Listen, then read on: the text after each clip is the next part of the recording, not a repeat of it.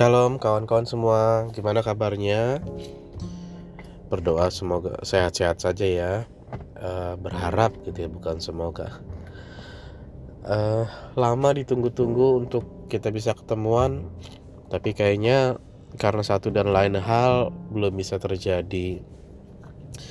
Ini kesempatan lagi uh, parkir di sebuah parkiran karena rumah sakitnya penuh jadi nggak bisa parkir rumah sakit Polri penuh jadi nggak bisa parkir gue parkir tempat lain.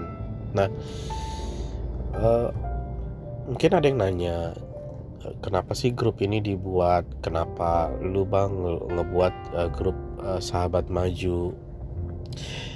Ya dari namanya aja sahabat maju.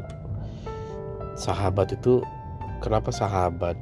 Gue Teringat kan firman Tuhan di Yohanes yang ke-15 firman Tuhan katakan kamu adalah sahabat-sahabatku. Oh sorry, 15 ayat yang ke-13 Tidak ada kasih yang lebih besar daripada kasih seorang yang memberikan nyawanya untuk sahabat-sahabatnya. Lalu 14 Kamu adalah sahabat-sahabatku. Eh, Sorry Kamu adalah sahabatku. Jikalau kamu berbuat apa yang kuperintahkan kepadamu.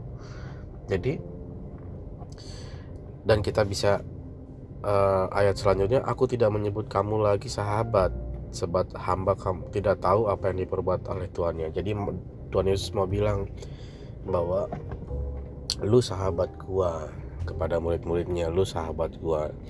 Dan gua tuh merasa gua lebih mengasihi banget gitu ya.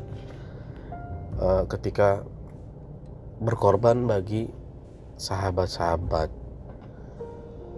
ya kalau dibandingin ya dengan Yohanes 3 ayat 16 dia mau bilang bahwa ini beda.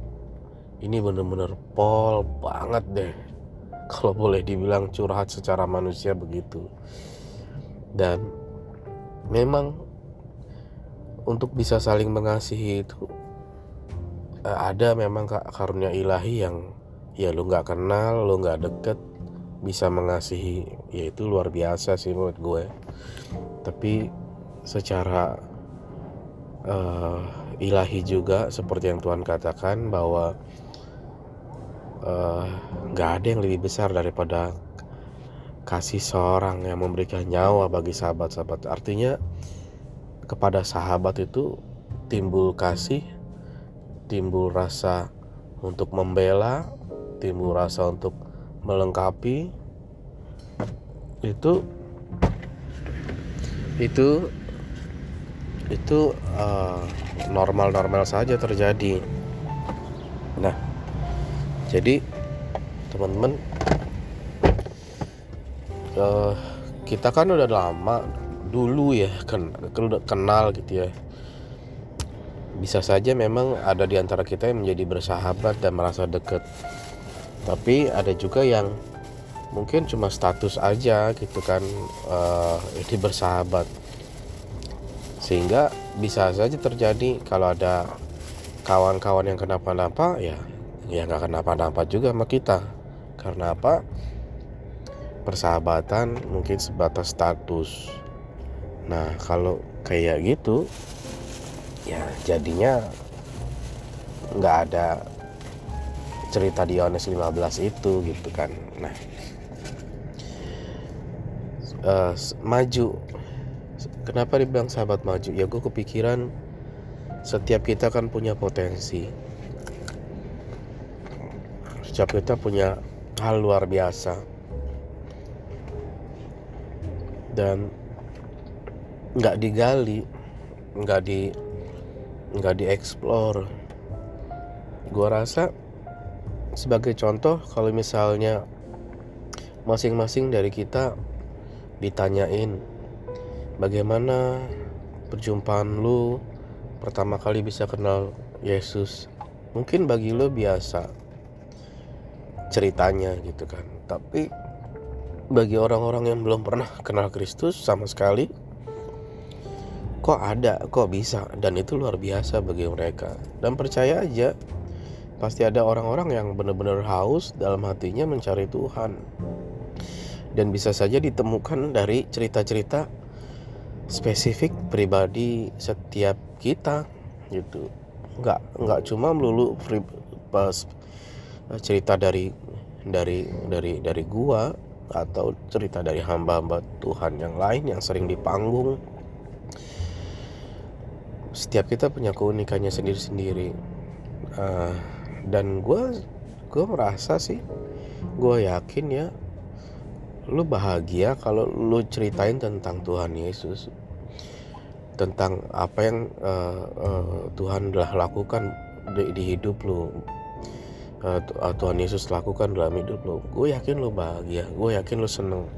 Nah gue kepikiran untuk ya ini ini bicara tentang uh, lu bukan bicara tentang apa yang harus kita lakukan tapi ini bicara tentang potensi yang lu punya.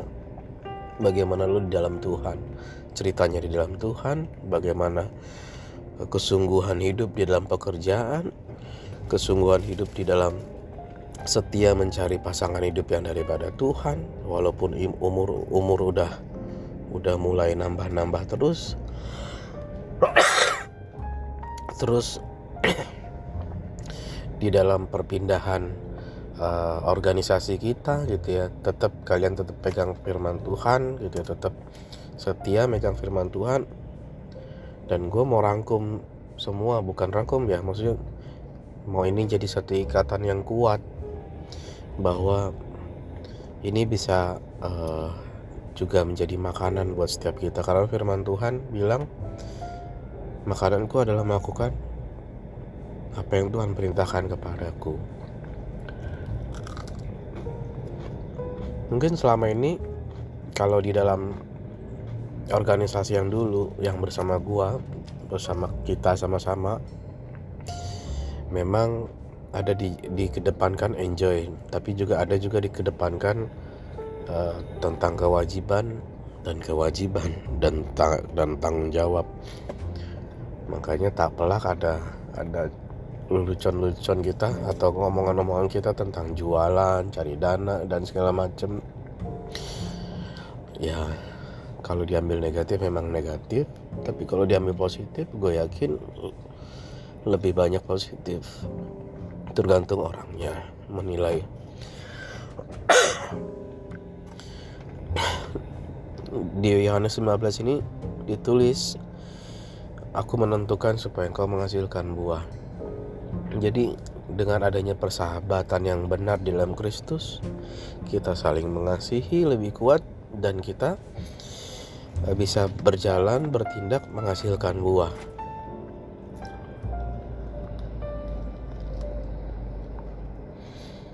Hmm, sambil ngunyah lapar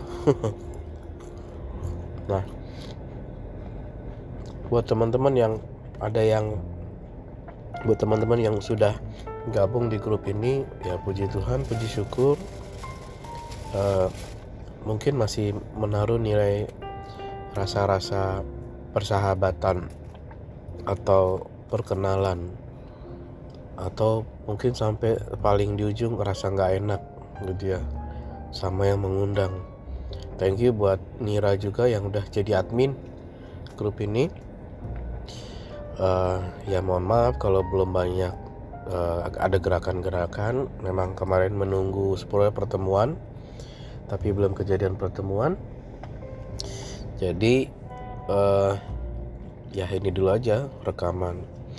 Nah buat teman-teman yang mungkin uh, jarang jarang baca di grup ini ya karena memang jangan jarangan yang diposting kali ya.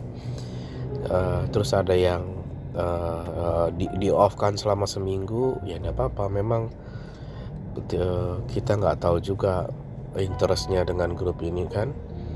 Kita harus menjadi bagian kita sama-sama. Ada juga yang live grup dengan bercanda-bercanda yang nggak bisa disalahkan juga. Mungkin belum dirasa ini menjadi grup yang berguna bagi mereka tapi kalau kita mau bela sama-sama mungkin ada teman-teman yang mau mengundangnya kembali tidak apa-apa gitu ya.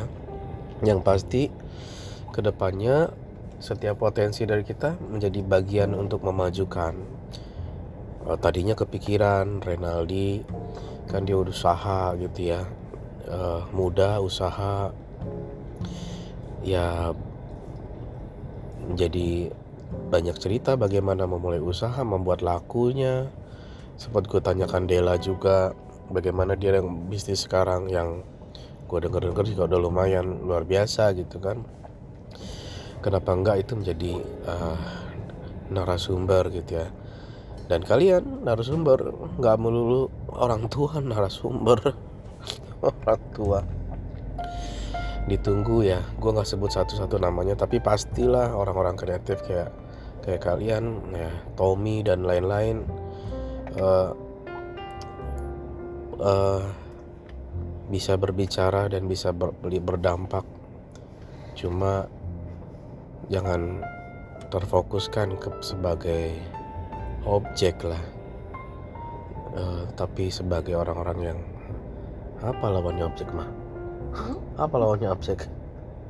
Predikat. Subjek terjemahkan sendirilah.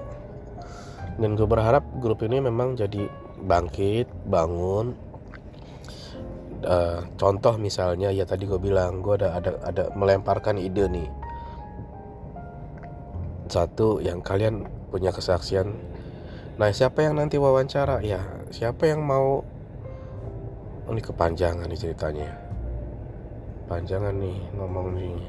Siapa yang mau uh, wawancara. Gue bang wawancara si Tommy. Oke okay. atau Tommy bang gue wawancara si si si, si siapa Rasela gitu kan. Sok ayo. Dan ini kita mau uh, pasti ceritanya unik-unik. Yang pasti ya pelayanan itu tidak serta-merta membuat orang berpegang teguh kepada firman Tuhan. Tapi benar-benar hidup yang terus-terus uh, di dalam Tuhan lah yang yang benar-benar akan terbukti gitu.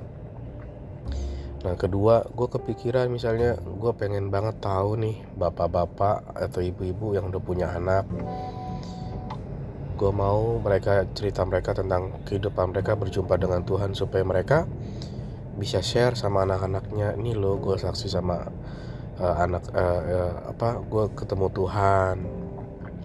Terus kita tanyain lagi bagaimana ketemu Tuhannya lu? Terus uh, lu uh, lu bagaimana usaha lu supaya anak-anak lu ketemu Tuhan? Lebih banyak lah ini terlalu lama ceritanya jadi nanti kalian bosen. Gak apa-apa tanggapin aja di di di grup kita ini nanti. Komen-komennya ya gue berharap komen yang bersahabat dan membawa maju thank you. God bless